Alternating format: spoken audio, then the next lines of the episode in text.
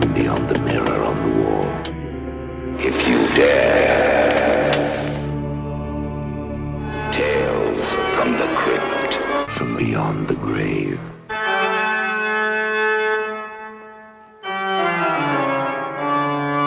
Hallo en welkom bij Julius versus Jasper. Eh, de podcast waarbij we elke aflevering twee films bespreken. En daarna de vraag stellen: als één van deze twee maan mag blijven, welke zou je dan houden? Mijn naam is Jasper en jouw naam is Julius. Zo is dat. Dus dan zijn wij compleet. Beetje zin in, Julius? Ik heb er zin in, ja. We gaan het hebben over een, eh, een, een, een leuk, een, een lekker eh, ja, niche genre, zou je het kunnen noemen. Een leuk subgenre, waar ik eh, erg op gesteld ben. Ja, en we gaan eigenlijk, normaal bespreken we twee films. Je zou nu het, het argument kunnen maken dat we nu negen kleine filmpjes gaan bespreken. Dat zou je kunnen zeggen, ja. Doen we niet. Nee. De antologiefilm. De portmanteaufilm. Of de omnibusfilm. Ja, ze zijn leuk. Eh, er waren er heel veel. In de jaren 60 en 70 heeft Amicus Productions er een aantal eh, gemaakt in een reeks. Ehm, en die vind, ik vind het heel fijne, knusse films altijd. Gewoon lekker eh, gezellig bij de spreekwoordelijke open haard. eh, griezelverhalen kijken. En dan heb je het wel over deze specifiek deze, dit tijdperk. Ja, nou, je, je hebt natuurlijk ook eh, heel veel portmanteau-films van later die ook heel goed zijn, maar die niet, niet per se in de categorie knus vallen. Wat ze nu dus ook vaak doen is een zo'n wraparound verhaaltje. En dan gaan ze gewoon korte films vertonen. Die niks met elkaar verder te maken hebben, maar gewoon horrorfilms. Die al eerder uit waren gekomen. Ja, ja, precies. Ja, ja, ja.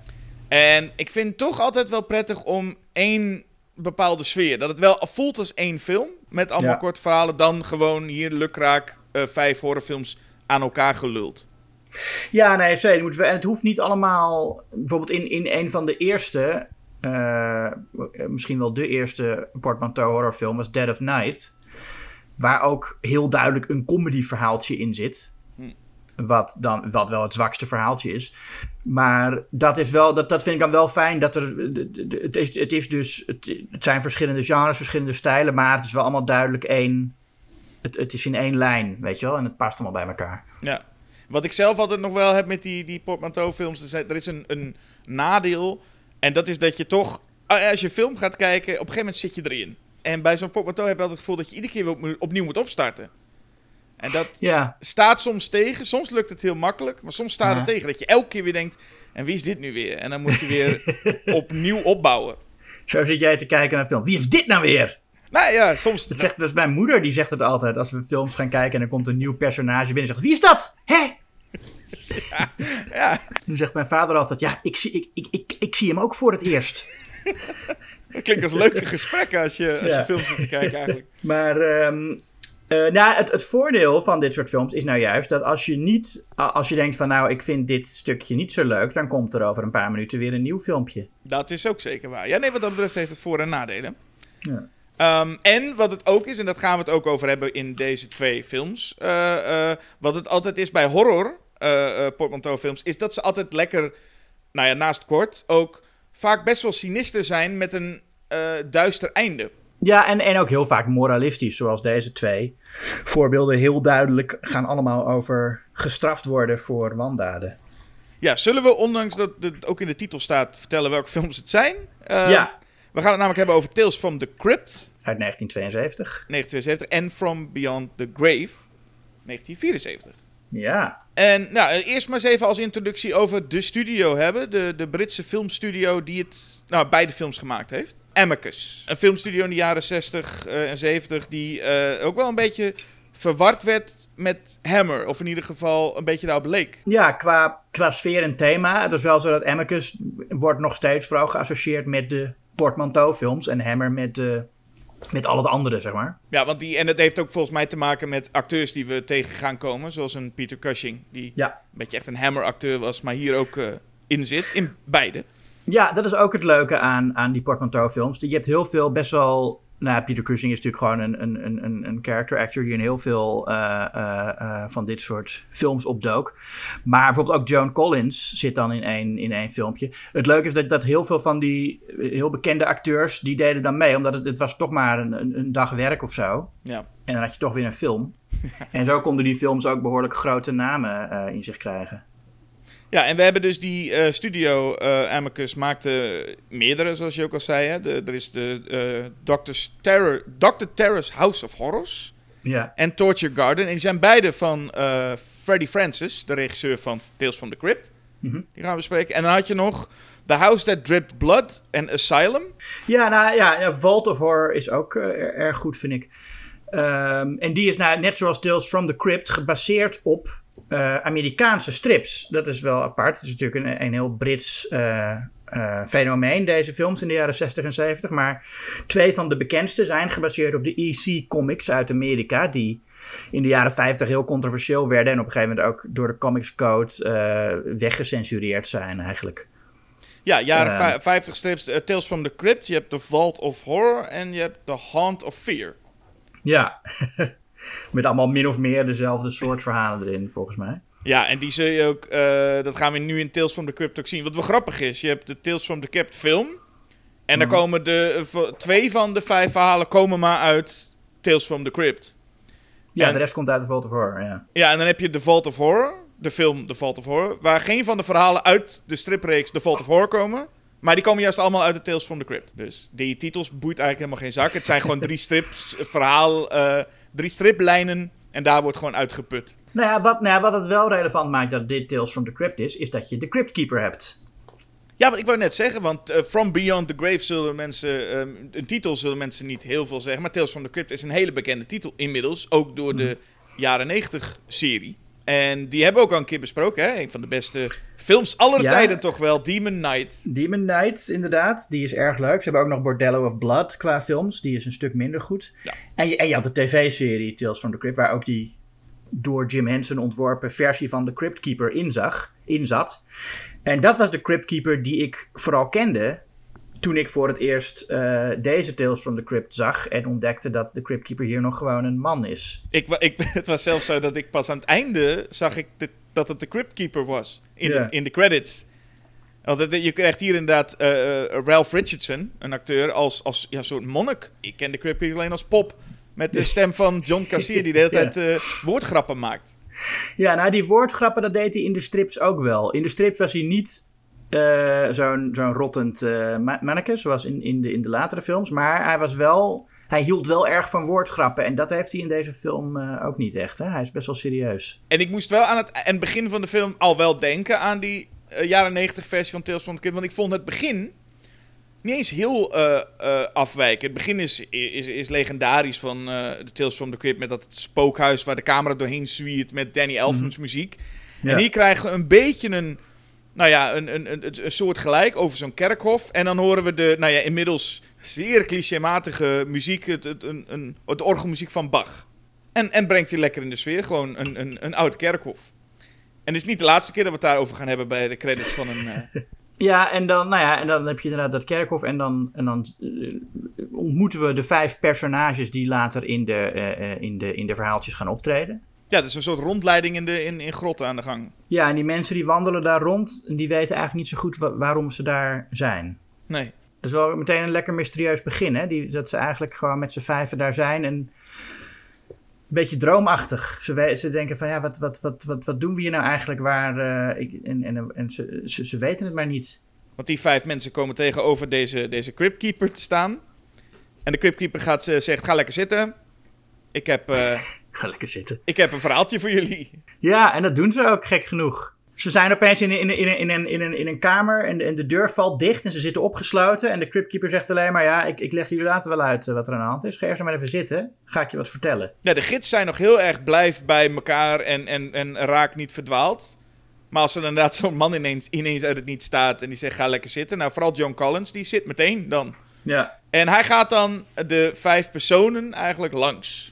En dan is het eigenlijk nog de vraag, wat, wat, wat laat hij nu eigenlijk zien? Want hij laat iets zien waar deze personen, een verhaaltje zien waar deze personen in zitten. Ja, hij zegt aanvankelijk dat dat verhalen zijn die zouden kunnen gaan gebeuren in de toekomst. Hij zegt het zijn voorspellingen en dit is waar jullie toe in staat zijn. Eh, en zo keek ik er ook naar. Hoewel ik later dus las en toen dacht, oh, dat is ook wel logisch. Joan Collins beginnen we mee. Eh, een verhaaltje van haar. En zij heeft al zo'n zo'n broche op in de, eh, tijdens die rondleiding. Ja, En dan zien we een verhaaltje waarin ze die als cadeau, dat er nog een cadeau voor haar is. Waardoor je eigenlijk denkt, ah wacht, dit klopt dan niet als je met die gedachte kijkt van dit is, moet nog gebeuren. ja, en dan blijkt aan het einde inderdaad dat het niet nog moet gaan gebeuren, maar dat het reeds gebeurd is. En dat ze dat dan zijn vergeten.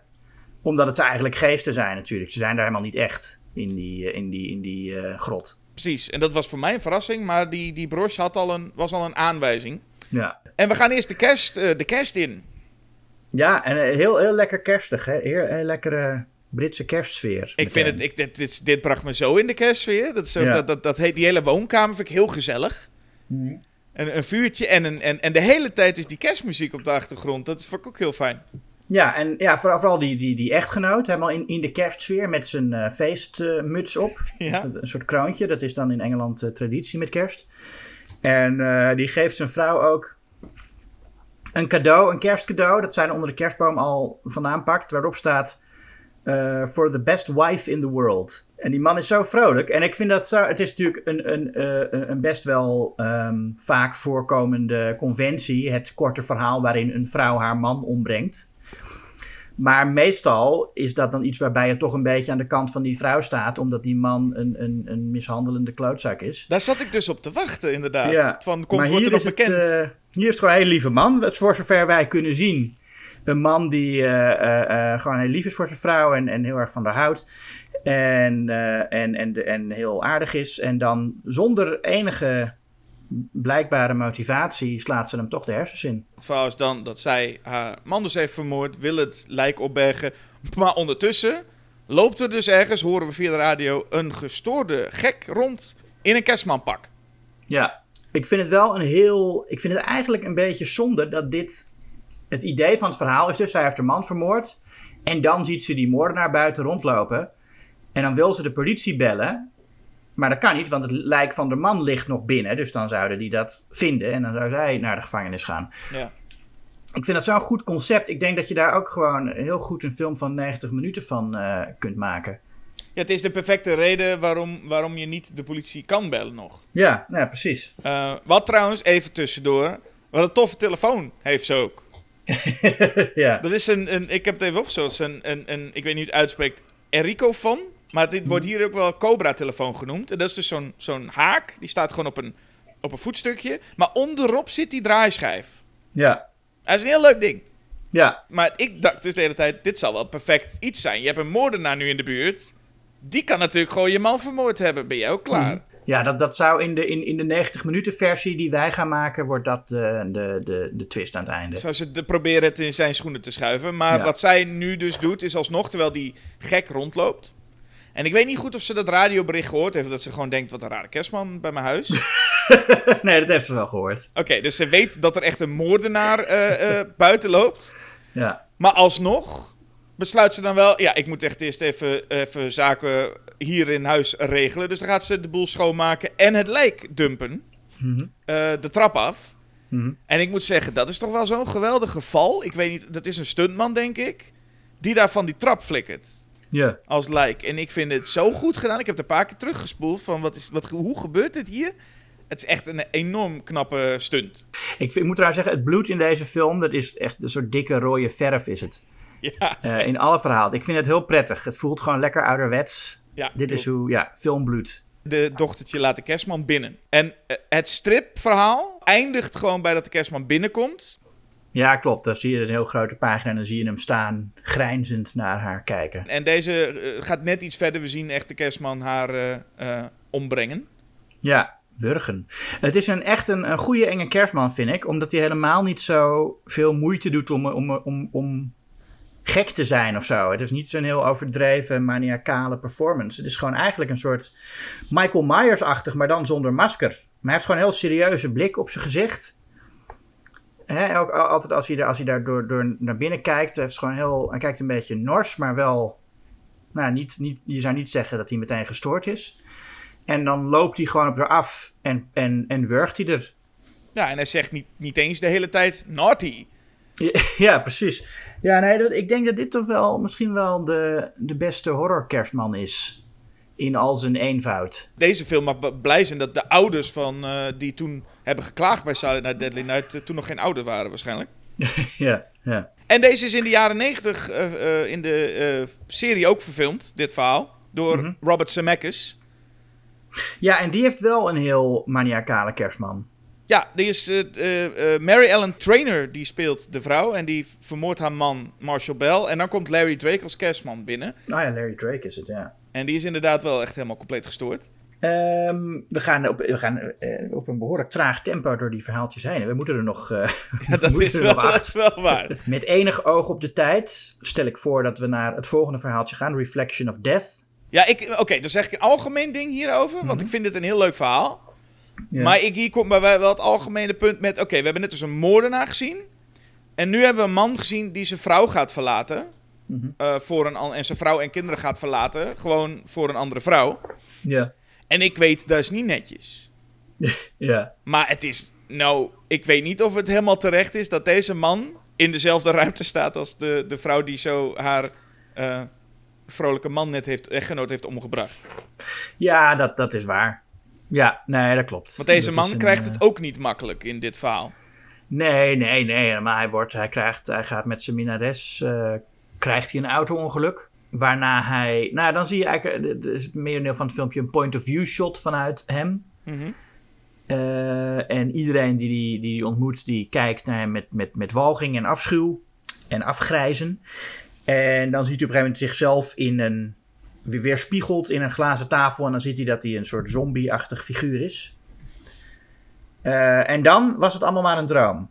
Maar dan gebeurt alsnog datzelfde ongeluk. En dat is Dat een leuk, filmpje. leuk verhaalelement wat mij even deed denken aan de beste scène uit eh, Nightmare on Elm Street 4. Waarin ze steeds vastzitten in zo'n Oh ja, droomloop ja. en de hele tijd terugkeren. Maar het is wel, ja, ik vond het ergens wel sneu voor deze man. Ik snap wel dat het niet netjes is om je vrouw en kinderen te verlaten. Maar verder deed hij volgens mij vrij netjes. Koffers mee en hij ging, eh, hij ging weg. Ik, Nou ja, hij bedroog zijn vrouw al een tijdje, dat is duidelijk. nou, dan zal dat het vooral geweest zijn. Dat hij daarom even nu afgestraft Ja. wordt. Ehm, Ja. Maar er zijn gruwelijkere mensen in, dit, eh, eh, in deze verhalenreeks. Waaronder in de volgende dan, Ja? denk ik. Want dat is Poetic Justice. Ja. En dan krijgen we een oude man, Grimsdijk. En die wordt gespeeld door Peter Cushing. Ja. En dat is een oude man die in zo'n huisje woont en die geeft kinderen cadeautjes. En heeft, heeft honden en is eh, eh, nou, gezellig, lieve man is het. Ja, zo'n lieve man. En Peter Cushing kan het ook zo goed. Hij kan heel goed een, eh, een, een schurk spelen, zoals Frankenstein in de Hammer films. Maar hij is misschien wel nog beter in echt een, een lieve oude man. Voor wie je, die je echt een beetje, je, je wil voor hem zorgen of zo. Je denkt van, oh, ik moet jou beschermen tegen de wereld. Ja, en Peter Cushing kreeg de rol aangeboden van eh, de man die we in het volgende verhaal gaan zien. Uh-huh. En hij had ook zoiets van: nee, nee, nee, ik wil eigenlijk gewoon dit eens spelen. Want dit is wel iets wat ik niet zo vaak speel. En als je dit ziet, denk je: waarom speel je dit niet zo vaak? Dit is, je, bent, dit is ontzettend, je bent ontzettend aandoenlijk hier. Ja. Ja. Het, het verhaal is dus dat hij is dus een aandoenlijke oude man. En eh er is een rijke dude, James Elliot. En die, dat is dus de persoon die ook bij de Cryptkeeper zit. En die bevalt dat niet. Nee. En dan denk je, de, de, er zit daar een, een oude man met allemaal, allemaal kindertjes in zijn huis. Maar wat zegt hij? Waar, het bevalt hem niet. Ja, moet je zien hoe zijn huis eruit ziet. Kan toch niet? En dan zeggen ze ook, die zal van binnen vast heel smerig zijn. Ja. Dat is hun, hun beweegreden. Ze willen dat huis gewoon daar gewoon weg hebben. Nou ja, ze, wil, ze willen dat huis verkopen aan een ander. Ze vinden hem slecht voor de bund dat die mensen zitten in het vastgoed. En zij willen eh, dat die man daar weggaat, zodat ze dat huis eh, naar iemand anders kan. En, eh, en, want op zich, je ziet ook, ja, ik weet niet, die man hij heeft natuurlijk heel veel honden die daar rondlopen. Ja, die zitten, ziet eigenlijk in zijn shots. Ze zitten allemaal in een heel klein hokje. Ja, dat is ook wel zielig voor die honden trouwens. Ja, maar daar die worden als eerste weggehaald. Hè. Eerst als eerste zijn honden allemaal weg. Dus dan gaat die, dan gaat die man zo'n rozentuin van de buurman omspitten. Ja, En daar zitten er nou ook mensen allemaal naar te kijken als dat gebeurd is. En er is niemand die dan denkt van... God, alle honden hebben dit gedaan met een hark. Er is genoeg reden meteen die honden weg. Nou, dan denk je al, ah, die arme Grimsdijk, die arme Peter Cushing, zijn honden worden weggehaald. Ja. En ineens zit hij met een Ouija-bord. Dat was ook even, even dat ik denk, wat is dit nou? Want het is zo'n hele lieve oude man en die zit ineens alsof het heel, de, de normaalste zaak van de wereld is. Dat daar ineens zo'n oude lieve man met zijn, met zijn Ouija-bord zit, met zijn vrouw te Mm. praten. Ja, met zijn dode vrouw. Ja, want dat is ook wel een ding. Zijn vrouw is dus net overleden. En als je de achtergrondinformatie ook hoort dat Peter Cushing ook net zijn vrouw verloren had. Ja. En dus zelfs nog op dat moment heel erg in, in, in, in de rouwverwerking zat en nou, tegen depressief aanzat. Eh, is het extra, eh, nou ja, heftig om deze... Dat je een beetje weet dat de performance daar waarschijnlijk ook wel vandaan kwam. Ja. Want op een gegeven moment straffen ze hem ook. Gaan ze dus, nou ja, wat een beetje een logisch iets zou zijn. Ja, ze doen gewoon alsof het een viespeuk is. Dus mogen alle ouders willen hun kinderen er niet meer hebben. Mhm. Maar dan willen ze hem überhaupt nog echt over het randje. En dat doen ze, vind ik zo mooi, via Valentijnskaarten. Ja. En dat Ja. heb ik echt nog nooit gezien. Dat iemand, en ik vind het zo grappig, dan krijgt hij krijgt een hele grote stapel Valentijnskaarten. Met eh rijmpjes erin. En dat zijn een belediging. Ja, nee, het is, het is ook, ik, helemaal, ik zie helemaal voor me hoe, de, hoe die, die, die jongen en zijn vader dan samen die rijmpjes zitten te verzinnen. op die kaartjes. Maar het is een, een prachtige, hartverscheurende scène. Hoe die man eerst blij is dat hij die, die kaarten ontvangt en denkt, oh leuk. En dan leest je dat eerste rijmpje en dan zegt hij, oh, I don't think I like that. Ja. en dan, ah, Hey, ja. Ja, maar het is zo. Ik bedoel, ik snap best als je honden afgepakt wordt en de kinderen mogen niet meer bij je langskomen omdat, je, een- omdat ze zeggen dat je een pervert bent. Dat is heel Mhm. heftig. Maar als je daarna nog Valentijnskaarten met een belediging erin krijgt. Ja. en dat is. En ik vind het gewoon. Wat een, hoe kom je op het idee? Gewoon zou ik aan die, aan die James Elliot. Wat een creatieve Nou ja, man. Kijk, hij- ze willen dat hij, dat hij gaat verhuizen. Dus ze willen hem doen geloven dat de hele buurt hem haat. Eh, terwijl hij was altijd juist heel goed met alle buren en de kinderen. Had hij het heel gezellig mee. Dus ja, nee, wat, wat doe je eens. dan? En ik, ik, ik bedoel, je bent al zover dat alle ouders al denken: oh, die, die, die man is een viespeuk. Mhm. Dus dat je, dat je dan met het overtreffende trap met het idee komt van deze Valentijnskaarten. Met ja, best mooie gedichtjes erin. ja, Die aan het einde gewoon een kleine sneer naar jou hebben. ja. Ze voelde gewoon in de categorie Norm MacDonald die in, in die roast van Bob Saget zit. Zeg maar, van die kleine beledigingetjes die, Ja. niet heel heftig zijn. Maar dat echt wel is van, oh, nou, het- nou, het is wel voor Peter Cushing is het wel de druppel. Ja, ja. This man is for the birds. Ja, Ehm, ja eh, eh, maar goed, hij, dat is voor hem de druppel. Want niet alleen, hij, hij verhuist niet, hij pleegt zelfmoord. En we zien eigenlijk niet eh, wat, wat, of, wat, wat James en zijn pa daarvan vinden. Hè? Die ze ontdekken, dat lijkt, maar je ziet helemaal geen reactieshot van hun. Nee, je krijgt sowieso Eh. niet echt heel veel hoogte van die pa van James. Of die nou helemaal, eh, wat die hier überhaupt nou echt van vindt. Ja, maar hij, hij werkt, hij helpt wel mee. Ja, maar ook weer niet zo erg dat hij, zoals James, Nee, in ieder geval ja. gestraft moet worden. Nee, maar hij wordt wel even goed gestraft natuurlijk. Ja, in, in zekere zin wel. Want wat gebeurt er? Eh, eh, een jaar later komt eh, Peter Cushing terug als zombie. En echt hele goede zombie make-up vind ik dat. Ja, dan, hij laat dan een, een, een, een briefje achter. Happy Valentine's Day. You were mean and cruel right from the start. Now you really have no heart. En dan ligt daar eh, het uitgerukte hart van James in zo'n pakketje. Ja.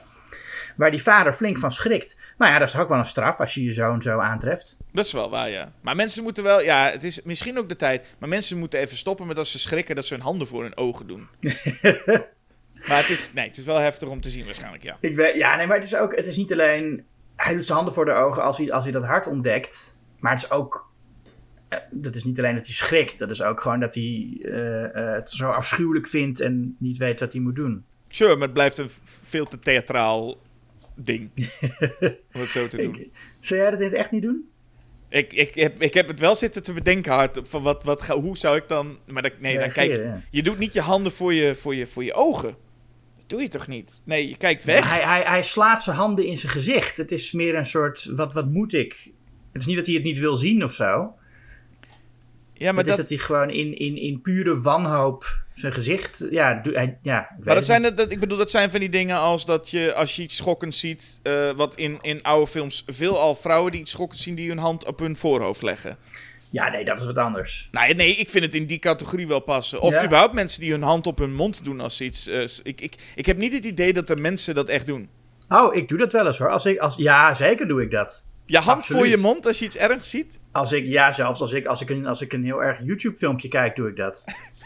dat is serieus waar. Ik doe echt mijn hand voor mijn mond. Zeker als er andere mensen bij zijn. Dan, zeker als andere mensen erbij zijn. Dus dat is wel een stukje... Ik ben een stukje theater aan het doen dan. Ja, dat is, dat is misschien zo. Maar, ik, maar het, het komt wel natuurlijk voor mij. Ik, ik pro- probeer een voorbeeld, ik probeer een voorbeeld te bedenken van wat, ik- wat nou een filmpje was waarbij ik mijn hand voor mijn mond deed. Misschien toen Fred Grapperhaus dat, dat liedje ging zingen van eh, zeg mondkapje, waar ga je heen? Ja, toen... Oké, maar toen kan ik me nog wel voorstellen. Toen, toen, deed ik, toen deed ik wat deze vader deed. Ook mijn handen voor mijn ogen. Ehm, Wish You Were Here. Ja, Eh, want, want die man, die zit ook, hè, trouwens. Er zit, ik heb, ik heb drie verhalen gehoord die gruwelijk afliepen voor die mensen. ja. En dan komt er nog één dude die zegt, nou, vertel, waarom zit ik hier? Dat je echt denkt, van, alsof hij nu zoiets heeft van, nu wil ik. Doe, nu ik, doe mij. Ja. Maar hij is ook, het leuke aan dit verhaaltje is, het feit dat hij blijkbaar een slecht mens is, dat heeft eigenlijk helemaal niks te maken met het verhaal. Want wordt aan het begin wordt heel even duidelijk gemaakt van, nou, hij is een, een, een zakenman die mensen slecht betaalt en die eh, mensen uitbuit en zo. Ja. Maar dat heeft verder niks te maken met het verhaal. Dat is alleen maar om te rechtvaardigen dat hij ook gestraft gaat worden. ja, dat kon je eigenlijk gemist hebben. Als je het, eh, want, want er wordt even snel gezegd, deze Ralph Jason ehm, heeft, is als ondernemer, heeft veel gedaan. Maar hij, en hij heeft niet veel geld, dat wordt ook dan gezegd. En daarna komt hij thuis en dan is er, eh, eh, ja, dit is gebaseerd ook op The Monkey Spa, dat verhaal. Ja. En dat benoemen ze ook in dit geval. ja, anders zou het ook raar zijn. Nou ja, ze hebben niet de rechten van de Monkey Spa, dus ze hebben nu een beeldje. Ja, Chinees beeldje. En dan zien ze tekst bij staan en denken ze, af, verrek, je kunt een wens doen. dat hebben we nog nooit gezien, zolang die Voor hier het stond. eerst zien ze dat. Ja. Nou, en dan denk je, laten we dat dan maar eens proberen. En dan gaat die vrouw, eh wenst dan veel geld. Nou, en dit, ik vind het wel leuk, hoe want dit is gewoon zo'n typische be careful what you wish for. Het is, het is natuurlijk een beetje, je zou het kunnen zien als een soort vervolg op Monkey Spa. Want in het originele verhaal van de Monkey Spa is de eerste wens die ze doen, is geld.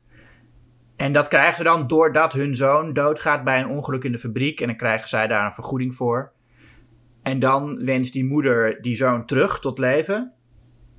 Nou, en dan denkt die vader van, oh, maar dan krijgen we straks een rottend lijk voor de deur. Dat wil ik niet hebben. En dan wordt er op de deur geklopt. En dan denkt die vader van, nee, nee, nee, nee, nee dit, dit moeten we niet hebben. En dan doet hij zijn laatste wens en dan eh, staat er niemand achter de deur. Dus in het originele verhaal komt dat hele lijk niet eens echt terug. Want de derde wens is dat het toch weer ongedaan gemaakt wordt.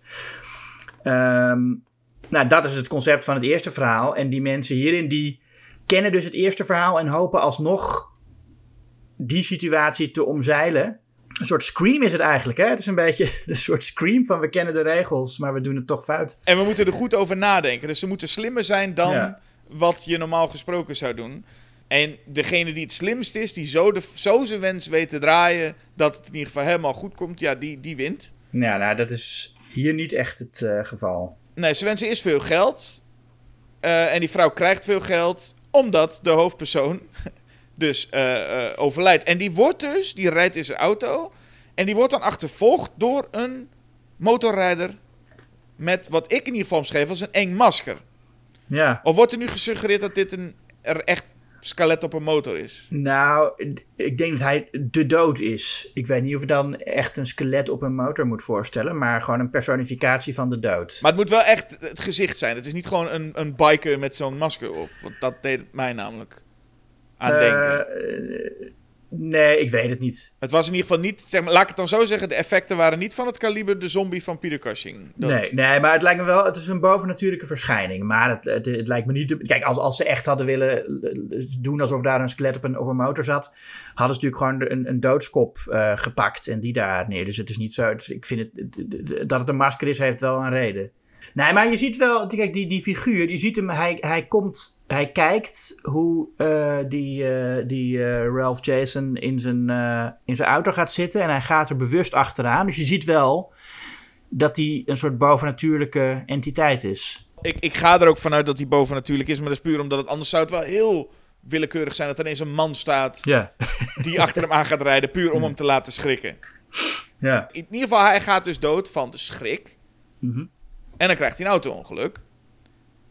En dat komen we achter omdat ze de tweede wens doet. Van oké, dan wens ik mijn, ik wens mijn man wel terug. Die vrouw zegt ook, ik, ik wens jou terug. Eh, en dat je dan voor eeuwig leeft. Ja, en dat is zo'n domme... Dat was niet handig, nee. Nee, dat, je moet echt goed nadenken, want dat is nou heel raar om te zeggen. Ja. Maar ik heb dan toch nog wel een probleem hiermee, of eigenlijk twee problemen. ja. Want eh, ten eerste, dan zegt ze van oké, maar nu wil ik dat je weer tot leven komt en dat je niet doodgaat. Eh, en, maar dan is hij, eh, hoe noem je dat? Hoe noem je dat nou? Dat hij eh, eh, embalmd in het Nederlands? Wat is dat? Ja, ik heb zijn aderen zitten vol balsem. Maar ik weet niet. Ja. Nou ja, goed, hij is, hij is dan wel zeg maar voorbereid op de begrafenis. Dus dat lijk is geprepareerd en zo. Ja. En, dat, en daarom heeft hij verschrikkelijke pijn omdat er balsem in, zijn, in hem zit. En dat, dat, dat, dat balsemen, dat moet dus gebeurd zijn tussen de hartaanval Ja. en het auto-ongeluk. Dus er zijn mensen in zijn auto gesprongen toen hij een hartaanval Ja. kreeg. En daarna heeft hij nog een ongeluk gehad. Dan zou het niet kloppen. Nee, precies. Dat is, dat is mijn, mijn voornaamste probleem eh, daarmee. Ja. Mijn tweede probleem daarmee is dat hij dan... Nou ja, dat is dan weer met, het, met de twist aan het einde dat ze allemaal dood zijn. Maar hij is dus helemaal niet dood. Hij leeft nog aan het einde van het verhaal. Hij is wel... Het is een verschrikkelijk leven. Maar het is niet, eh, hij is niet dood. Nee, want dat is het hele verhaal. Inderdaad, dat hij bij die cryptkeeper zit, is omdat hij dood is. Ja. En hoe is dat dan gelukt, zou je zeggen? Ja. Maar, en hij heeft dan mogelijk wel iets twijfelachtigs gedaan als ondernemer. Maar verder is zijn vrouw vooral degene die allemaal die geld zit te, te, te wensen en dat soort dingen. Ja, nee, precies. De, de, de, het, het wensen is hier niet, eh, is hier niet het, het ding waarvoor je gestraft wordt. Ik, moet, ik vind het ook een beetje. eh, ja. Ik vind het niet. eh, ik, als, je, als je een variatie op, op de Monkey's Paw doet. Zou ik liever zien dat ze daar dan nog wat verder mee gaan. Dit, dit, dit is eigenlijk gewoon min of meer hetzelfde concept. Maar dan met net wat andere wensen. Ja, ik vond het inderdaad vooral het, het element dat ze spelen met... Oh, we moeten slimmer zijn, dus ik ga het even goed bedenken. eh, is wel leuk. En ik vind het idee ook wel leuk dat je iemand voor eeuwig terugwenst... en vervolgens, eh, nou ja, zoveel pijn dat je echt denkt... Oh, dit is best wel... Het is best wel cru. Ja. Alleen het klopt eigenlijk van geen, van geen kant. Nee, ik vind het nog wel leuk hoe zij hem dan probeert te vermoorden aan het einde. Ook echt, maar dat is ook, er is met die vrouw is ook iets mis. Want die vrouw die pakt echt, echt een samurai zwaard echt binnen, binnen no time ook. Ja, nee, dat is een, ze hebben een enorme collectie aan, eh, aan attributen daar. Ze trekt in ieder geval snel conclusies en gaat snel met zwaarden in de weer. Ja, en dan snijdt ze hem. En dan, ja, ze hakt met dat zwaard op die man in. En dan is er een heel, heel fijn, lekker ouderwets, maar ook wel verrassend gruwelijk shot. Waarin je al zijn darmen ziet. En al Ja. zijn ingewanden. Klopt. En het zijn gewoon een soort ja, worstjes die daar liggen. Ik ga er heel netjes op een rij zo neergelegd tussen een overhemd. Ja, ja, vind Ik, ik vind het een heel leuk shot. Ja. Nou, en we gaan door naar de laatste. Mhm. Eh, eh, Blind Alleys. En eh, dat is de langste ook. Mhm. Want het, en dat, dat, deze film is in totaal anderhalf uur. En met vijf verhalen. Maar sommige zijn echt heel krap. Die zijn tien minuten of iets dergelijks. Ja. Deze is wel even wat langer. Ja, en, het, en ik vind het niet echt die lengte rechtvaardigen, moet ik zeggen. Nee. Ehm, ja, er is een, een, een, Ni- Nigel Patrick speelt een, eh, een, een, een, een- iemand die major is, of, ma- hoe noem je dat, majeur? Die in het Majeur- leger majeur? gezeten. Major, toch ben je dan? Dan ben je major. Ja. Ja, sorry, ik zit uh, majeur. nee, hij is major geweest in het leger. En hij komt bij een, een tehuis voor blinden. In dit geval, zo te zien, een tehuis voor blinde oude mannen. Ja. Ehm, wat ook niet echt relevant is dat ze blind zijn, hè? Het had net zo goed gewoon een bejaardentehuis kunnen zijn. Ik heb er lang naar gedacht dat er moet iets zijn waar, waar, waar ze mee gaan spelen. Maar dat is niet zo, nee. Nee. Nou ja, hoe dan ook. dat maakt verder niet uit. Maar nou ja, dat ze nog kwetsbaarder zijn, dat zou het natuurlijk kunnen zijn. Dat het nog erger is dat die man daar zo komt en zo'n misbruik gaat maken van die kwetsbare mensen. Want het, eh, Ja, dit zijn allemaal oude... Dit zijn, dit zijn eh, allemaal Peter Cushings hier, hè? Allemaal oude, oude zielige mannetjes. ja. En daar komt er zo'n major binnen en die... ehm, nou, die heeft meteen... Die, dat zie je meteen in zijn kantoor. Die heeft, eh, wil het luxe hebben. Gewoon zijn kantoor. ehm, daar wil hij dan allemaal schilderijen hebben hangen. Mhm. En heeft hij zo'n lekker haardvuurtje daar op dat kantoortje. En het is vooral hoe hij met zijn hond omgaat. Want zijn hond zie je dan ook op zo'n kleed liggen. Terwijl hij net heeft verteld... Er zijn voor jullie geen kleden. Aha. Nog ook heftig is dat als die mensen binnenkomen om te, hem te storen... Dat hij dan ook zo roept van... Can't you see I'm having lunch? Ja. Hij is wat dat betreft eh, de, de verkeerde man voor dit eh, werk. Ja. Ehm, de, de, zeg maar, de, de, de man die wij het meest volgen van de, van de, van de blinde mensen is, eh, is Patrick McGee. Mhm. Een heel karakteristieke acteur met een heel karakteristieke stem. Ja. En als hij het hier ook heeft over The Wine, dan denk ik altijd meteen aan zijn rol in The Clockwork Orange, waar hij ook Try the Wine Mm. eh, zegt tegen, tegen Alex. Ehm, maar er is een goede rol van hem. Ja. Maar hij is eigenlijk altijd goed. Eh, en hij, nou, hij, hij blijft maar smeken om, om nou toch eens eh, de verwarming wat hoger te zetten en zo. En, en uiteindelijk gaat er zelfs iemand eh, overlijdt aan de kou in dat, eh, in dat tehuis. En dan is het genoeg. Dan is de maat vol en dan smeden ze een plan Ja. om het de man betaald te zetten. En het is eh, best een, eh, vind ik nog best een leuk plan eigenlijk. Het, is, het, het is een plan waarbij je lang ook denkt, wat, wat gaan ze nou precies doen? Maar als eerste Ja. gaan ze een pad met vlees leggen om de hond te lokken. Ze sluiten vervolgens eh, de major ook op. Ja, ze hebben de hond en de major allebei in een, in een, in een soort voorraadkast opgesloten. En dan beginnen ze te bouwen.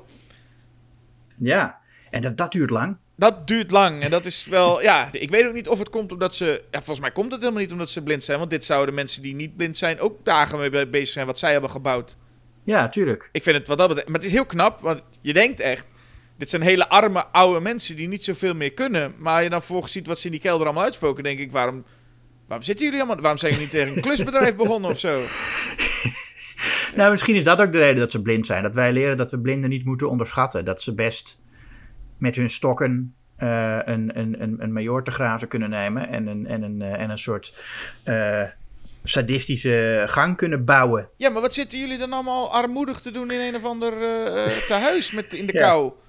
Ja, dat weet ik ook niet. En dat doen ze allemaal zodat de man eh, uiteindelijk door zijn eigen hond wordt opgegeten. En dit is wel zo'n moment waarbij we dat niet zien, maar hij gaat op zwart. Ja, ik vind het leuk dat er ook nog eh, eh, scheermesjes in, die, in dat doolhof zitten. Of dat doolhof, die gang waar hij doorheen moet lopen. Ja, Het is een heel nauw stukje met allemaal scheermesjes aan de randen, waar je dan heel voorzichtig tussendoor moet. En dan aan de andere kant daarvan heb je dan meteen die, die, die woeste hond die eh, eh, honger heeft. ja. Eh, ik vind het wel le- heel leuk bedacht dat je dan inderdaad terug moet vluchten door die scheermesjes, waarbij je jezelf natuurlijk ook al flink snijdt. Ja, nou ja. Deze trouwens is ook verfilmd, wat ik nog even zeggen, in seizoen 6 van de jaren 90 versie. Is deze ook Oh. verfilmd onder de noemer Revenge is the Nuts. En dan zijn we terug in, eh, in, in het ja, vage vuur, of wat is het, waar we zijn? De Crypt Keeper. Ja, en dan, ja, dan, wordt, dan wordt het ontzettend moralistisch natuurlijk. Dan zegt hij, die zijn allemaal dood gegaan zonder, eh, eh, hoe noem je dat in het Nederlands, repentance. Dat zijn allemaal mensen die dus inderdaad zijn zondig zijn overleden. Ja. Ja, behalve die gast die dus niet is dood gegaan. Maar ja, het is, het is op zich wel fijn dat hij dan toch dood is. Dat, de, de- dat hij niet echt eeuwig heeft moeten lijden. Hoewel hij, de suggestie is natuurlijk dat hij dat nu wel gaat doen. Want ze springen allemaal eh, de hel in. Ja, één en valt er al in. Ja. Dat is wel een, minder goed eh, gelukt eh val-effect, moet ik Ja. zeggen. En, en, dan, en dan zijn ze ook allemaal best wel, ze accepteren het wel of zo. Hè? Ze zijn niet dat ze maar zeggen, nee, ik wil niet. Ze gaan gewoon heel rustig lopen, ze allemaal daar naar binnen. Ja. ja, wat moet je ook doen? Ja, daar heb je gelijk in. Nou, je zou, je zou daar kunnen blijven hangen en zeggen van, hé, hey, heb je nog wat verhaaltjes? Want ik zit liever naar jouw verhalen te luisteren dan... Nou ja, eh, dat wil de Crypt Keep volgens mij wel doen. Maar dan zit hij zich af te vragen wie de volgende is. En dan kijkt hij even... Dit is wel een beetje wat Crypt Keeper eh, de pop ook zou doen, hè? Ja. Is even de camera inkijken. Even naar ons. ja. Nou, dan ben je toch extra bang als je dat ziet. Oh, hij kijkt mij aan. Straks. next? Perhaps you? Dat echt een, ja, toch wel een behoorlijk eh, didactische waarschuwing, hè? Die we dan krijgen. Ja. Dat Amicus ons toch nog vertelt van, ja, je moet even niet eh, vreemd gaan. Of blinde mensen verwaarlozen. Ja, want dan is het gedaan met je. Of proberen met allemaal eh, rijmende Valentijnskaarten een oude buurman weg te pesten. Want dat. eh, Nee, dat moet je zeker niet doen. En zo zijn we aangekomen bij twee jaar later. From Beyond the Grave. met ook weer een, een glansrol van Peter Cushing.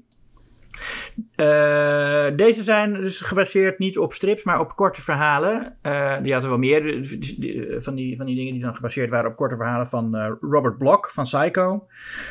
Ehm, die heeft er een paar geschreven. En deze is op korte verhalen van de wat minder bekende, maar wel gewaardeerde schrijver R. Chetwynd Hayes. Ja. De opening is, is, is zeer herkenbaar. Een, een kerkhof waar de credits op komen. Ja, En de camera zo rondslingend. Ja, en we horen de DSI-reden bij. Ja. Ook het klassieke eh, de Gre- Gre- Gregoriaanse stuk. eh, dat, dat, eh, nou, ook in de openingstitels van The Shining natuurlijk heel bekend is. Maar Dus ik denk dat daar de meeste mensen het nog het meest van kennen. De, de, de theme van The Shining wordt het dan bijna genoemd. Ja, maar het is een, een stuk dat heel vaak eh, dat oors- van oorsprong ook met de dood geassocieerd is. En dat ook in, in heel veel horrorfilms al gebruikt werd. Het werd op begrafenis altijd gedaan, toch? Daar ja, en op begrafenis inderdaad. Ja. En we gaan dus vier verhalen in. Nou, meteen maar de eerste dan. ja, nou ja, we beginnen eerst met, met, met, de, met, de, met de, de, de antiekwinkel van Pieter Cushing, hè? Ja, maar daar begint volgens mij meteen het eerste verhaal ook. Ik heb niet... Ja, oh ja, nee, dat is waar. Ja, dat, ja, dat klopt. Dat Die klopt, was, klopt. hier is Ja. iets minder een... eh, Of je hebt in ieder geval nog niet door wat het kapstokverhaal zou zijn. Hoewel ik denk... Ik had het wel vrij snel door. Je hebt namelijk een antiekwinkel. Ja, dat is perfect om een, eh, een antologiefilm te maken. Ja, De Friday the 13th serie bijvoorbeeld. ja. Eh, Ja, en het deed want- heel erg denken aan Needful Things van Stephen King. ja ook, ja. Maar eh, in ieder geval dus een oude man in een antiekwinkel. Peter Cushing dus. Ja, en het, dat is op zich wel een. Het is natuurlijk een beetje een klassiek idee van de, de antiekwinkel waar elk, elk voorwerp een, een, een, een verhaal heeft of waar het mee spookt. In deze film is dat niet bij elk voorwerp het geval. Hè? Soms is het gewoon, eh, heeft het eigenlijk niet zoveel te maken met het feit dat ze daar iets kopen wat er uiteindelijk met ze gebeurt. Eh, heeft het voorwerp, eh, zeg maar gerust, niks ermee te Nee. maken. Nee, klopt. Ehm, Maar bij, bij het eerste verhaal wel. Het eerste verhaal wel. is een- het is een vrij duidelijk verhaal eigenlijk. David Warner krijgen we. De, de- nog, net, nog niet zo lang geleden, volgens mij. Ja, afgelopen, afgelopen jaar is, het, is hij overleden, David Warner. Eh, koopt een spiegel. En eh, hij zegt, dat is een beetje het, een, een, een terugkerend ding met de personen die bij, bij Peter Cushing iets kopen. Eh, ben je eerlijk tegen Peter Cushing? Mhm. En hij zegt dus van, nou, ik wil geen 400 euro of 400 pond betalen. Ik wil 25 pond betalen voor deze spiegel, want het is een neppe. ja. Het is geen echt antiek. Ja, en Peter Cushing zegt, nou is goed. Ja. Ehm, en hij denkt, heb ik hem mooi opgelicht. Eh, en thuis is hij dan helemaal, is hij er ook helemaal content mee. Vertelt hij er ook trots, hè, dat hij die man dat even, even heeft, eh, Mhm. eh, door de neus heeft geboord. Ja. En, en dan zegt een van zijn vrienden, let's have a seance. ja. Dat is mij nog nooit gebeurd. Ik weet niet of dat bij jou in jouw vriendenkring wel eens gebeurt. Dat iemand ineens uit niet roept, la- laten we gewoon even een seance hebben. Nou, in de jaren zeventig was dat misschien wel hipper. Was het... bij bepaalde types. Nou, het is er de spiegel voor. Dat, dat, dat is het ook, hè. Van, oh, die spiegel. Het ziet er wel uit als een lekker eh, goede spiegel om een, om een seance bij te houden. heb, je, heb je een spiegel nodig dan? Nou, nee. Maar dat, maar dat is wel de reden dat ze het gaan doen. Niemand zegt dat. Van, oh, het is echt zo'n oude spiegel. Nou, laten we een seance doen. Het is volgens mij verder nergens van nodig. want Ze gaan in een kringetje zitten. Met een, Ja. een heel cool effect met zo'n kaars. Die dan rondgaat. Een soort Dead 70 show, maar dan iets luguberder. Ja. Met dat ze rondgaan. En, en dan ehm, eh, sowieso goede effecten. Hier, op een gegeven moment krijg je dus ook effecten met die rook en die spiegel. En er zit dus Mhm. ook een zombie in die spiegel. Het ziet er, het ziet er heel sfeer, sfeervol uit. Ja, zeker. Het is wel, en dat is ook wel fijn hieraan. Want je hebt aan de ene kant... ehm, en ik geloof trouwens dat het in de jaren 70 toch echt wel eh, best wel hip was, zo'n seance. Want David Warner, die heeft ook later gezegd... dat hij erop stond dat ze niet echt handen vast zouden gaan houden. Dat hij dus niet... Hij wilde het wel een, een seance spelen... maar hij wilde geen risico lopen dat ze echt een seance zouden gaan doen ook. Hmm. Dus hij wilde dat zo net mogelijk houden. Ehm, maar, eh, en ja, voor mij was dat wel in bepaalde kringen gewoon dat, je- dat je dat dan leuk eh, deed. En, eh, en wat ook het leuke is aan dit filmpje, vind ik. Het is een heel moderne setting. En het is ook op bepaalde manieren een, een moderner verhaal. Maar het heeft ook die, echt die ouderwetse gothic thema. Wat, van wat er dan achter die spiegel zit. Zo'n zo'n lekker ouderwetse geest Ja. die, eh, die onze wereld binnentreedt. Een geest die tegen David Warner zegt: voed mij. En dat is ook waar het verhaal dan vervolgens over gaat. Ik weet niet heen 100%. eh ah, kon David Warner ook zeggen nee? Ja, ik denk dat hij wel echt onder de invloed staat op een bepaald... Dat het een soort Renfield is of zo. Dat hij soms nog wel voelt dat het niet goed is wat hij doet... maar ook dat de invloed van dat spook te sterk is. Het begint ermee dat hij een heel heftige nachtmerrie heeft. En ja, daarna wordt hij volgens mij gewoon een beetje de slaaf van die geest in die spiegel. En gaat hij inderdaad... Pikt hij op straat meisjes op die hij dan in zijn huis eh, neersteekt... Ja. En dan heb je toch ja, een beetje een, de, de, de, de, de maniacale slasher die toen begon eh, in te raken. Hè? Ja, in de jaren 60 natuurlijk al Peeping Tom eh, met, met, met dat soort dingen. Ik moest steeds aan Hellraiser denken. Als in Julia die steeds eh, ja. mensen meeneemt en voert aan iets. Ja. Ah ja, je kunt ook aan Little Shop of Horrors denken trouwens. ja. Ehm, maar het voeren aan iets, we, we, we hebben geen idee. We zien helemaal niet hoe de spiegel eet. Eh, Nee, we zien gewoon dat die man steeds jonger eruit gaat zien. Of steeds meer zijn hersteld wordt naarmate er meer vrouwen vermoord worden. Ja, maar de lijken blijven ook wel gewoon er nog zijn. Het is niet alsof die lijken ook helemaal weggaan. Die moet eh, eh, Ja. David Warren ook nog onder de vloer verbergen. Ja. En wat ik wel leuk vond, is dat die geest ook in de spiegel ook een beetje voor reden vatbaar is. Op een gegeven moment zit dan namelijk Pam, de vriendin van David Warner, die klopt aan. Maar dan wil David Warner dat eigenlijk niet. En dan zegt hij ook tegen die spiegel: Nee, nee, nee, je moet haar niet doen, want zij, hè, mensen weten waar zij is. En dat die spiegelgeest dan ook echt zoiets heeft van: Ah ja, je hebt wel gelijk, doe maar, doe maar een andere dan. Ze zijn ook over het algemeen niet heel subtiel aan het werk te gaan, want ze hebben de. de de, bu- de benedenbuurman krijgt meteen door, want er komt bloed eh, van zijn eh, plafond af. Ja, hij is een, eh, een griezelvrouw aan het voorlezen aan zijn kat. Vond ik ook zo'n leuk een- detail. Een, leuk detail, ja. En dan, nou ja, hij, dan leest hij iets. Hij leest net iets voor over bloed. En dan valt er een druppel bloed op dat boek. Maar dan gaat hij naar boven en dan heeft hij alsnog geen idee dat het, dat het bloed is. Nee.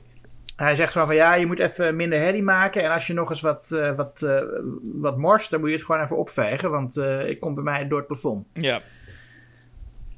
Wat David Warner weer doet denken van... Oh, verrek, ik kan ook gewoon die vervelende bovenbuurman. Kan ook natuurlijk gewoon. Ik hoef niet altijd dames te doen. Ja, En uiteindelijk... ja, David Warner ehm, moet dan zelf dood. ja daar zie je ook wel dat hij, dat hij niet meer echt zelf ervoor kiest. Dat hij gewoon het toelaat dat hij zelf eh, dat, hij dat mes in zijn buik steekt. En is de man uit de spiegel vrij. En kan die, ja, kan die in de echte wereld rondlopen en zit David Warner in de spiegel. Ja, en dat zien we doordat iedereen dus op een of andere manier... die in dat appartement daarna gaat wonen... die spiegel laat hangen. Ja, Dus iedereen die daar ook maar woont denkt... Nou ja, leuk, geinige spiegel, die, die, die, die wil Ja. ik behouden. En dan heeft David Warner ook nog eens een keer geluk... dat er uiteindelijk een groepje vrienden komt... waarvan er weer iemand zegt... Hey, let's have a seance. ja. Maar je weet niet hoe, lang, hoe ver in de toekomst dat is, hè? Dat is misschien al wel het jaar eh, 2015 of zo. Als ik, moet ik het baseren op de kledingstijl? Ja, nee, dat is toch steeds de jaren 70. Dan is het in de jaren 70. En ja, ik weet niet, in 2015, als het de jaren 70 is dat mensen nog riepen, let's have a seance. Ja, nee, dat, ja. Maar hij heeft wel mazzel dat, eh, dat er weer... En ook, maar ook in beide gevallen zegt ze het ook zo blij. Iemand is zo blij met let's have a seance. ja. En dan is David Warner, die dus in die spiegel zit. Die, als ik hem zo moet zien, eh, niet heel veel lijken nodig heeft om weer er normaal uit te zien. Want hij ziet er best normaal uit. Ja, ja nee, die, die zou inderdaad met één moord wel weer eh, in, de, in de echte wereld kunnen zitten. Ja. En wat is die man ondertussen aan het doen? Denk ik dan. Die man uit de spiegel. Ja, die is gewoon van zijn leven aan het genieten. Ja, daar ben ik gewoon ook wel benieuwd naar. Dat we daar niet even iets van zien. Gewoon hoe die man nu weer gewoon... Ja, wat zou die aan het doen zijn? Je weet niet hoe lang hij in die spiegel heeft gezeten, hè? Misschien, eh, ja. Misschien is hij, zit hij er ook maar een paar maanden pas in.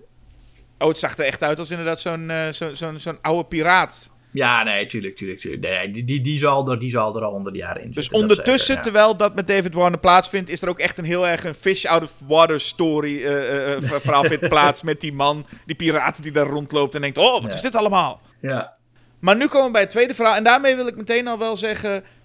Waar ik bij de vorige verhalen, bij de, in de vorige film. en ook dit verhaal met David Warren in de spiegel. wel zag waar het naartoe ging. Nu verandert dat.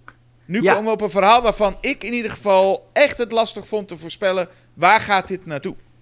Ja, en dat maakt dit ook een van mijn favorieten. Dat je inderdaad bij al die andere verhalen weet je wel ongeveer wat er gaat gebeuren. Eh, En, en, en is, is, is de lol ook van hoe gaan ze het uitwerken. Ja.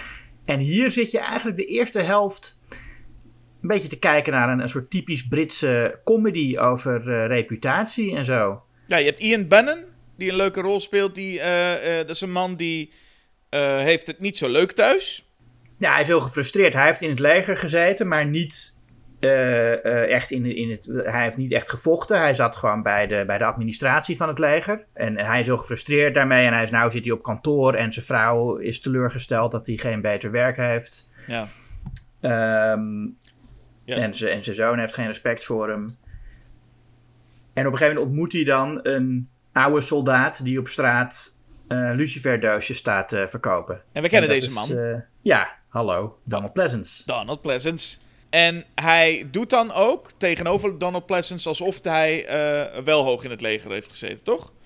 Ja, daarvoor, en dat is, dat is de enige link, koopt hij dus bij Peter Cushing een medaille. Ja, of daar dat wil hij. Maar Peter Cushing zegt van dan moet je wel even. Hij, zegt ja, ik wil die medaille vervangen, want ik ben mijn, mijn eigen ik kwijtgeraakt. En dan wil Peter Cushing van even de papieren zien dat hij, dat, hij die medaille echt heeft gekregen. Want hij kan niet zomaar een medaille verkopen aan iemand die hem niet al had. Ja, ik vraag me af, is het nou een, een, een regel of bedenkt Peter Cushing dat ter plekke als... eh wat had deze man gewoon niet moeten zeggen? Ja, ik heb nooit in het leger gezeten, ik wil gewoon deze medaille kopen. Ik zou het eigenlijk niet weten, want ik, ik geloof, misschien stond er ooit wel eh, een, een boete op het dragen van een medaille die je niet echt hebt verkregen. Oh, dus Peter Cushing verkoopt ze dan bij wijze van spreken ook echt alleen maar als vervanging. Ja, Voor mensen die hem kwijt zijn. Dat is sowieso een heel klein... ja dat- ik, dat- weet, ik, dat, ik, weet, ik weet niet hoe dat zit met medailles. Ik vind het niet een heel goed Ja. bedrijfsplan voor je, voor je winkel. nee, misschien dat iemand, als iemand hem voor een museum wil of zo, dat zou nog kunnen. ja, dan liggen ze Nou niet ja, denk ik in dat de, in, de, in, het, in, de, in de etalage zoals hij hier, want dat, dat Nee. is waar ze liggen. Maar hij zegt dus, oh, je, je wil hem vervangen? Nou, dan laat me even zien dat je, de, dat je er recht op hebt. En nou ja, dan eh, besluit deze man, eh, Ian Benham, besluit hem dan maar te, te stelen. Ja, maar we zien ook dat Peter Cushing. eh, hier zien we dat hij echt bewust bezig is die mensen te verleiden. Hè? Want in het eerste filmpje was het nog dat die man zei: het is maar geen echt antiek. En dat je nog kon denken: van nou, Peter Cushing gelooft dat. Ja. Maar hier zie je, hij laat expres het deurtje openstaan en gaat dan even de hoek om. En hij weet meteen dat die man het gestolen heeft. En dan zegt hij: nou, had hij niet moeten doen. Maar dat is dus ook de vraag met terugwerkende kracht bij David Warner. Wat als David Warner had gezegd, oh, 400 eh, pond, ik neem hem. Zat, Ja. zat dat spook er dan niet in? Dan had Peter Cushing gezegd: van eh, je moet even geen seance houden met deze spiegel. Dan krijg je dus een handleidingje bij met dit moet je niet doen. Anders Ja, maar hij heeft ook, hij heeft het, want hier, het gaat, dat, dat, die medaille, daar is helemaal niks mis mee. Nee, er is Toch? helemaal... Nee, Dus- precies. Dus Peter Cushing heeft ook gewoon invloed op wat er verder met die mensen gebeurt. Los van de attributen die ze kopen. Ja, daar ga ik Eh, dus in dit geval van uit. Maar je kunt ja. ook het argument misschien zelfs maken dat Peter Cushing hier geen hol mee te maken heeft gehad. nou, dat denk ik niet. Nee, ik denk het ook niet, maar het zou maar zo kunnen. Omdat het Ja. verhaal gaat voornamelijk over Donald Pleasance. Ja. Die nodigt deze man uit bij zijn huis, want hij wil ook dat je hij wil zijn dochter aan hem voorstellen. Ja, En dan zien En- we ineens zijn dochter, Angela Pleasance. En toen zag ik deze dochter, ik dacht, ja, dit is, het is precies, het is twee druppels water, haar vader. ja. ja, nee, dat, is, het, zou, dat is, het klinkt beledigend. Maar eh, het, ja, het is, wel, het is dezelfde vorm van haar hoofd. Ja, nee, precies. Het is, het, is, het is gek, want er staan op een gegeven moment staan er twee Donald Pleasance naast elkaar. Ja. Maar één is wel, ik vind één een aantrekkelijke vrouw. En, ah, Ja. en, en de andere Ja. is Donald Pleasance. Maar ik had nog nooit het idee dat hij met een pruik op een, een, een aantrekkelijke vrouw zou zijn. Maar het Ja. is echt twee keer hetzelfde gezicht, ja, klopt. Het is echt eh, ja, een, een soort jongere vrouwelijke versie. En ik, eh, ja, ze heeft natuurlijk hier haar haar ook eh, heel sluik langs haar gezicht en steeds achter haar oren gedaan. Wat ook een heel, heel. Het is een heel subtiel ding wat je kunt doen, maar het ziet er, het ziet er ook meteen niet uit. Nee.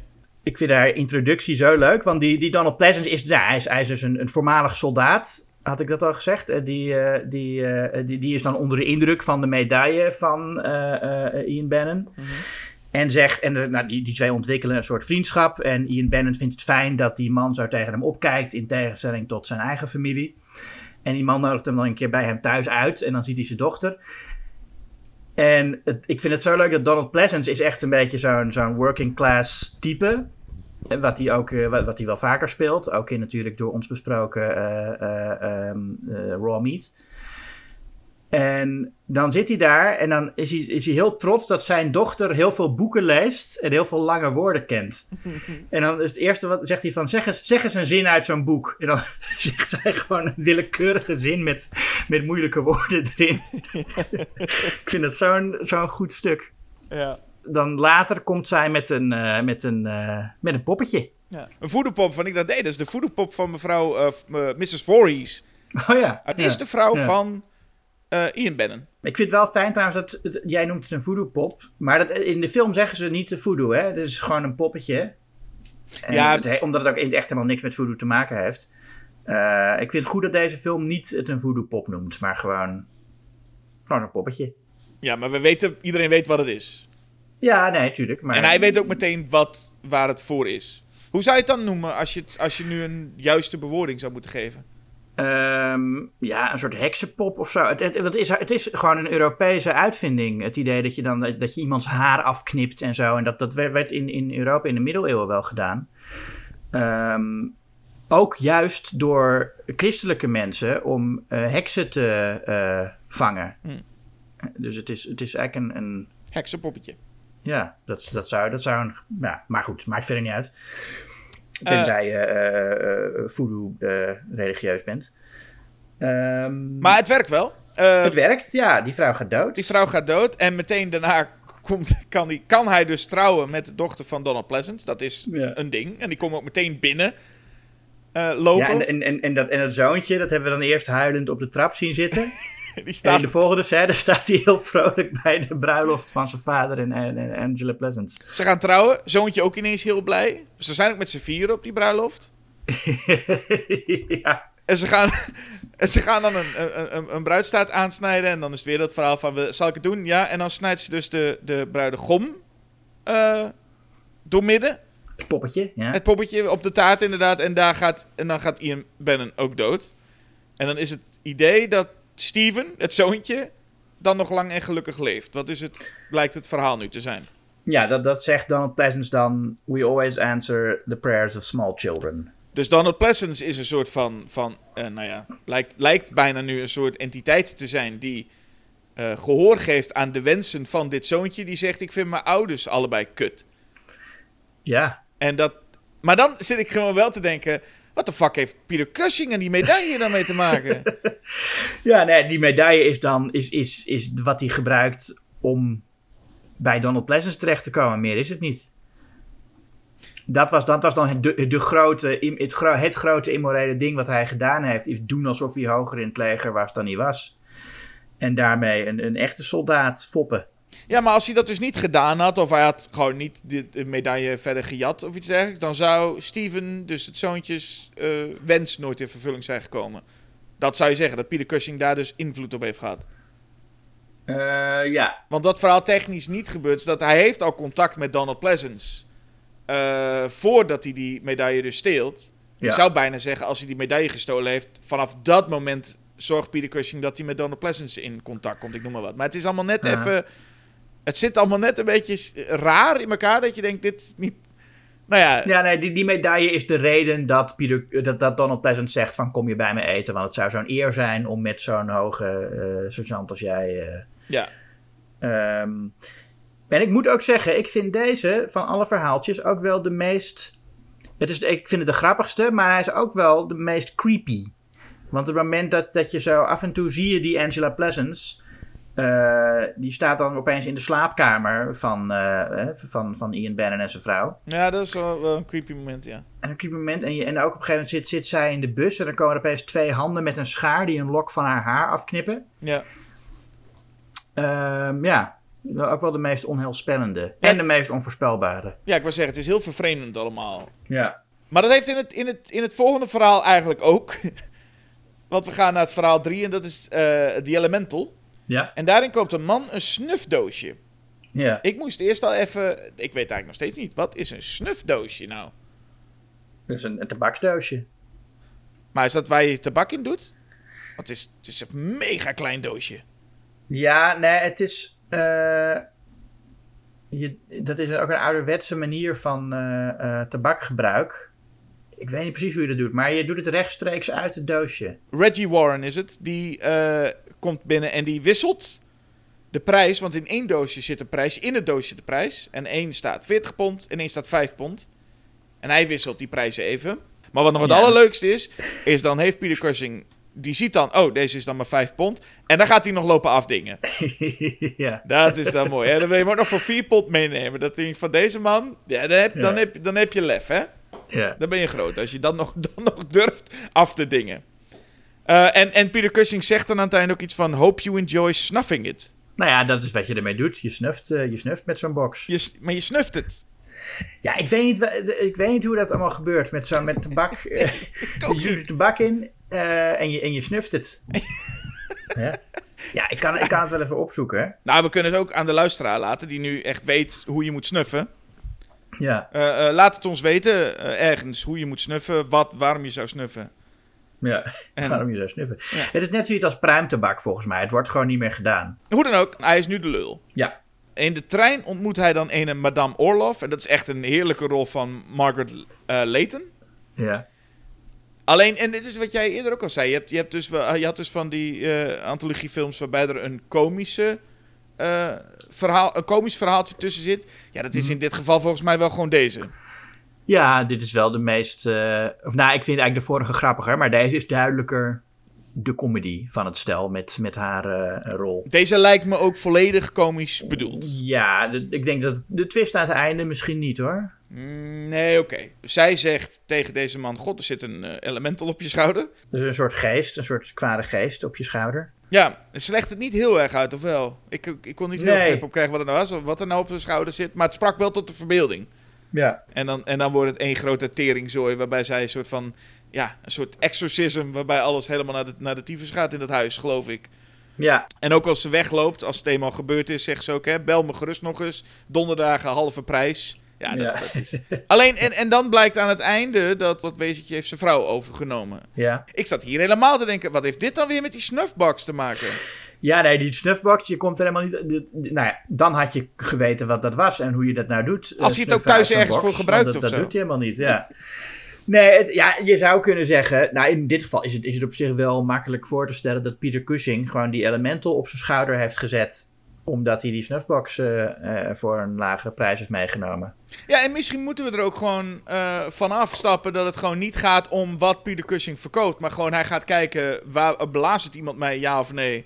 Ja, nee, dat is het. Alleen het moeilijke is natuurlijk dat hij dat bij de eerste wel doet. Want de eerste is die spiegel. Ja, En ook lastig is dat hij dat bij de laatste ook weer doet. Want dan is het voorwerp wat gekocht wordt ook een, een belangrijk element. ja maar dat is dan weer met een, met een afloop... die Cushing dus alsnog toch wel blijkbaar onder controle heeft. Waarin ene William Ian Ogilvy. een deur wil kopen. Aha. Krijgt te horen dat het fit, eh, 50 pond is. En hij zegt, ik heb maar 40. Mhm. En dan ben ik wel echt blut. En dan zegt Peter Cushing, nou vooruit, is goed zo. Ja. En je ziet die, die eh, William nog even in die kassa kijken. Wij door die andere mensen denken, waarschijnlijk, ik weet niet of je dat denkt, maar het lijkt me dat de bedoeling is dat je denkt, die William heeft wat geld teruggestolen. Ja, Want Peter Cushing gaat daarna ook uitgebreid het geld tellen. tellen, ja. Ondertussen zien we dus deze man die deze enorme deur in zijn studeerkamer ergens monteert aan een kast. Ja, een, een, een, kast waar alleen maar wat doeken in liggen. Het is een beetje een spectaculaire deur voor zo'n eh, voor zo'n lullige kast. Maar goed, eh, dat maakt niet uit, want achter die deur zit gewoon een andere kamer opeens. Opeens ja. Ja, als je die deur opent, dan zit daar plotsklaps een, eh, een heel andere kamer met een heel andere, ook weer zo'n eng spook. Ja, het, doet, het is een beetje hetzelfde concept als met die spiegel, waardoor dat dit verhaaltje mij wel een beetje tegenviel. Het is weer gewoon, het is een doorgang naar een andere wereld waar een spook zit. Ja, en dat moest me ook aan die spiegel denken, want hier krijg je ook ineens een soort piraat, ja. schurk. Ja. Ja, het is gewoon heel ouderwets. eh en ik lees soms 1974. Toen, en je ziet ook wel de invloeden van de, nou, de, de moderne horror, die, die echt eh, fl- flink eh, aan het opkomen was. Maar dit is dan gewoon nog echt iets ouderwets wat erin zit. Ja, want het is die schurk met, met, met zijn baard, eh, die wil die, eh, die, wil die, eh, die vriendin hebben. Ja. En dan vernielt hij de deur en dan stort de boel in. ja, ze hakken dan eerst, eerst hij en dan hakt die vriendin hakt ook nog wat in die deur. En als die deur kapot is, ja, dan is dat geest, die geest ook weg. En dan wordt dat een skelet. Ja, het is een beetje leen, vond ik gewoon ja, nee, vond ik ook. Ik vind dit echt een, een heel eh, matig verhaaltje. Sowieso gaat de film flink achteruit na eh, dat Donald Pleasance en, en Angela Pleasance eh, gedaan zijn. Maar dit verhaaltje is, vind ik inderdaad best wel zwak. Ja, Ehm, maar ik vind het wel leuk dat het er dan mee eindigt dat Peter Cushing het geld in de kassa aan het tellen is. En erachter komt dat het inderdaad, dat die man gewoon eh, eh, eh, de verleiding heeft weerstaan. En niets eruit gepakt. deze verhaaltjes zijn ook helemaal niet zo leuk met een happy end. dit soort verhaaltjes horen gewoon naar te Ja, ik weet eindigen. niet of het, of, het, leuker was geweest als, dit, als, als het verhaal geen happy end had gehad. Nee, dit, dit verhaal was niet meer te redden. Maar die, over het algemeen Mhm. merk ik wel dat als je nu zo'n verhaaltje hebt en dus de slechterik wordt verslagen en de twee eh, die het overleefd hebben, kijken elkaar aan en, en fade to black. Dat, dat hoort gewoon niet. Ja, het, moet in elk geval duister eindigen. Je kan, je kan wel een soort happy end hebben, zoals eh, op, op een bepaalde manier Poetic Justice met Peter Cushing als die oude man. Wel een happy end is in die, in die zin dat er, dat er een soort poëtische rechtvaardigheid eh, plaatsvindt. Ja. Maar het moet een duister einde zijn. Bij die deur had je op zijn minst inderdaad moeten eindigen met dat die deur weer ergens anders staat Hmm. of zo, weet je wel? Dat het, dat, dat stel veilig is. Nou, ik vond het in dit geval juist eigenlijk wel leuk dat, het een, dat, dat de twist is dat het een happy end is, omdat Peter Cushing ontdekt dat het geld er allemaal is. Wat ook wel een beetje een antwoord geeft op onze eerste vraag van David Warner. Want hij is eerlijk tegen Peter Cushing. Mhm. Die dan vervolgens wel zegt, hier heb je een behekste eh, deur. Ja. En hij had zomaar nu dood kunnen zijn door die... eh, dat, heeft hij, dat is hij niet, omdat hij, nou ja, met een bel en in de weer is geweest. Maar het is niet alsof Peter Cushing hem gered heeft. Jawel, ik, jawel. De, hij, eh, Peter Cushing heeft toch op de een of andere manier controle over het lot van die mensen. Maar wat heeft Peter Cushing dan gedaan? Want die man kiest er zelf voor, die William, kiest zelf voor om een bijl mee te Nou, nemen. dat, dat denkt hij allemaal dat hij dat zelf kiest. Maar dat zijn allemaal dingen die in, in het lot bepaald worden. En, en eh, eh, eh, dat, daar heeft Peter Cushing de volledige controle over. Jij denkt dat het helemaal zo is gegaan door Peter Cushing. Ja, of, of, of door gewoon dat Peter Cushing een soort waarnemer is van wat er gebeurt. Maar in elk geval is er een kracht aan het werk die zorgt dat mensen die hem bedriegen gestraft worden. En mensen die hem niet bedriegen, dat die ook wel wat meemaken als ze het ongeluk hebben een, eh, een behekst object te kopen. Maar dat die niet, eh, eh, dat het dan toch wel goed voor ze afloopt. Het is trouwens ook niet alleen, moet ik denken, de, de, de koper die gestraft wordt. Hè? In dat eerste verhaal van die spiegel zijn er behoorlijk wat onschuldige slachtoffers. Dat, dat, moet, dat moet hij ook zelf weten, die Peter Cushing. Ehm, ja, dat mag hij ook zelf weten. Ja, en dan is er nog één laatste dingetje. Ja. Ja. het is heel simpel afsluitendje eigenlijk. Hè? Hij- Een inbreker komt binnen. Perfect voor Peter Cushing, want die, hoef je zo, die kun je sowieso straffen. ja, en dat doet hij ook. Nou, dan, dan zien we ook wel hoe bovennatuurlijk eh Cushing daadwerkelijk is. Hè? Want die man hij probeert hem gewoon dood te schieten. En Peter Cushing blijft maar eh, doorlopen. En ja, uiteindelijk dan die inbreker. Ik vind het toch een beetje een, een lullig. Ik had meer verwacht. Er wordt de hele tijd opgebouwd van nou die boef. Hè, die gaat aan het einde. Wordt dat het laatste stuk. En wat er dan gebeurt is hij struikelt gewoon en hij valt in een kist. eh, met spijkers. En dan, en dan valt Ja. die kist dicht en dat is het. En, en, en dan gaat Peter Cushing, zoals de Cryptkeeper, even in de camera weer kijken. Want dat is toch het engste, hè, als ze ons rechtstreeks aankijken. En dan, en dan zijn wij opeens de klant. En dan snap ik wel dat we naar achteren gaan, want dat doet de camera dus ook. Dat je denkt, nou, laat maar even. Ja. Dat hoeft niet per se. Ehm, ho- hoewel, het, het lijkt er nu op dat er allemaal behekste dingen daar te koop zijn. Maar je moet vooral gewoon zorgen dat je niet hem oplicht. Ja, je had bijvoorbeeld die snuffbox. Als ik die daar had gekocht, dan was er volgens mij niks aan de hand geweest met die snuffbox. Nee. Dus maar wel, dan moet je wel zo'n snuffbox, maar had je niet zo'n deur of zo'n spiegel moeten kopen. Ja, Althans, die spiegel twijfel ik nog steeds over wat er dan gebeurd was. Nou als je maar geen seance houdt, dan is er niks mis met die Nee. spiegel, lijkt me. Dat is het probleem. En die deur ook prima, maar hij hem gewoon niet open moeten doen. ja, of je wel, wel open, maar dan meteen weer dicht en dan nog een keer open. Want dan pas... Dat, werkt toch? Dat, dat werkt. Zo, als je één keer die deur open doet, heb je dan die, die geheime kamer. Doe je hem dicht. Als je dan, dan nog een keer open heb je gewoon die kast. Ja. Dus je moet telkens, als je weer die kamer ziet, denk je nee, oké, weer even dicht en dan weer open. Ik denk dat, dat we door de twee films heen zijn. Dat nu nog de grote vraag komt. En we hebben dat helemaal niet uitgelegd wie het voor welke film Wie wat opneemt. doet, hè? Nee. Maar eh, dat zullen we dan nu even doen. Ik zou het dus opnemen voor Tales from the Crypt. En jij zou het opnemen voor Beyond, eh, From Beyond the Grave. Ja. Eh, wil je aftrappen weer? Ja, ja hoewel het de, de, de latere film is van de twee. wil ik, ja, omdat ik, kijk, ondanks het feit dat ik vind dat het, die film een beetje zwak eindigt met het laatste verhaaltje en dan een beetje die anticlimax met die boef. Ehm, vind ik toch dat verhaaltje met Donald Pleasence en Angela Pleasence zo sterk. Het is misschien wel mijn, mijn favoriete eh, verhaaltje in een portmanteau-film aller tijden. Ehm, en ik vind het leuk dat deze film echt een combinatie is van de ouderwetse gothic horror met spoken en spiegels. En dat ook ja, toch wat moderne dingen er doorheen zijpelen al met die, met, nou ja, met, met, met, met die, eh, eh, eh, die slasher die dan steeds mensen doodsteekt. En, en, en met, met, met, met, het, met het absurde eigenlijk van het hele Donald en Angela Pleasants gedoe. Vind ik het een fijne, elegante combinatie van ouderwets en nieuw. En ja, wat Tales from the Crypt betreft, dat vind ik ook een hele leuke film. Ehm, maar ik denk dat Vault of Horror, waar, waar ook, die, ja, die, die ook op de Tales from the Crypt verhalen gebaseerd is, ehm, is ook heel leuk. En, en die, die, die, dan zeg ik gewoon van, ja, nou hou ik wel From Beyond the Grave. En dan kan ik ook, ook nog steeds gewoon Vault of Horror kijken. Vind ik eh begrijpelijke keuze. Maar dan, dan, dan mis je toch wel eh, Peter Cushing als, als die oude Grimsdijk.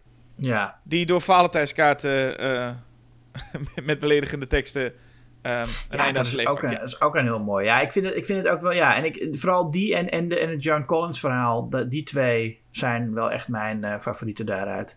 Ja, ik denk dat ik dezelfde. Ik, ik- het, maar dat komt ook door die John Collins, is, is door die, door die kerstsfeer. Dat ik denk, Ja, ik heb ja, nu, ja, al, ja. nu al zin om de- die met kerst gewoon weer op te zetten, want je komt helemaal Ja. in, de, in de mood daarvoor. Ja. Ehm, er is, wat mij betreft, van Tales from the Crypt geen verhaal die echt, zeg maar, minder goed is. Dus die echt, waarvan ik echt denk, ah, hier heb ik echt... vind ik- nou, dat had ik dus bij eh, From Hmm. Beyond the Grave wel. Bij die, Ja. die, die deur. Ja. Maar ik vind, ja, die van Tales from the Crypt, ze zijn iets korter, iets krachtiger. En Ja. ik vind het ook wel leuk, waar we het net ook de hele tijd over hadden, is dat kapstokverhaal. En dit heeft het kapstokverhaal toch net iets meer met elkaar te maken. Ik snapte gewoon die winkel van, van, van Pieter Cushing niet altijd even, even goed. Maar eh, goed, dit, dit zijn zulke details waar jij volgens mij ook wel mee... eh, hè, beide zijn goed, dus het, Ja, zijn, het ja. zijn net... Het kan de ene kant op gaan. Bij wijze van spreken is, is het, als je ons eh, volgende week het nog een keer vraagt... zou het andersom kunnen zijn. Ik ben benieuwd waar de luisteraar voor zou gaan. ja, ik ook. Laat me weten. Nou, dan zijn, zijn er nog een paar dingen die wij eh, moeten vertellen. Ten eerste, eh, koop in godsnaam de nieuwe Schokkend Nieuws. En neem een abonnement. En eh, eh, eh, luister deze podcast. Dat doe je al. Maar luister ook andere afleveringen. En deel hem ook. En abonneer je ook. En laat recensies achter. En sterrenwaarderingen. En, eh, en we kunnen jullie vertellen dat de volgende aflevering van deze podcast, daar gaan we het hebben over wat volgens Jasper de beste horrorfilm aller tijden is. The Faculty. Ja, dat is wel waar, hè? Heb jij, heb jij in de top 50 gezet? Laat ik dan, als je beste vervangt met leukste, dan heb, je, dan heb ik 100% gelijk. nee, tuurlijk. Eh, maar we gaan die zetten over een film die ook heel erg leuk is, namelijk The Craft. Ja, Dus dat wordt al een hele leuke aflevering. Eh, The Craft versus The Faculty. Kun je je al op voorbereiden. Mhm. Eh, maar, dat was natuurlijk iets. De volgende aflevering die je nu Ja. gaat zien, is natuurlijk niet helemaal de volgende. Want we gaan als eerste, we hebben het beloofd en we gaan het doen, nog even 2022 onder de loep nemen met het hele podcast team. yes, we, gaan, het is, het is, we zijn veel te laat, maar dat mag de pret niet drukken.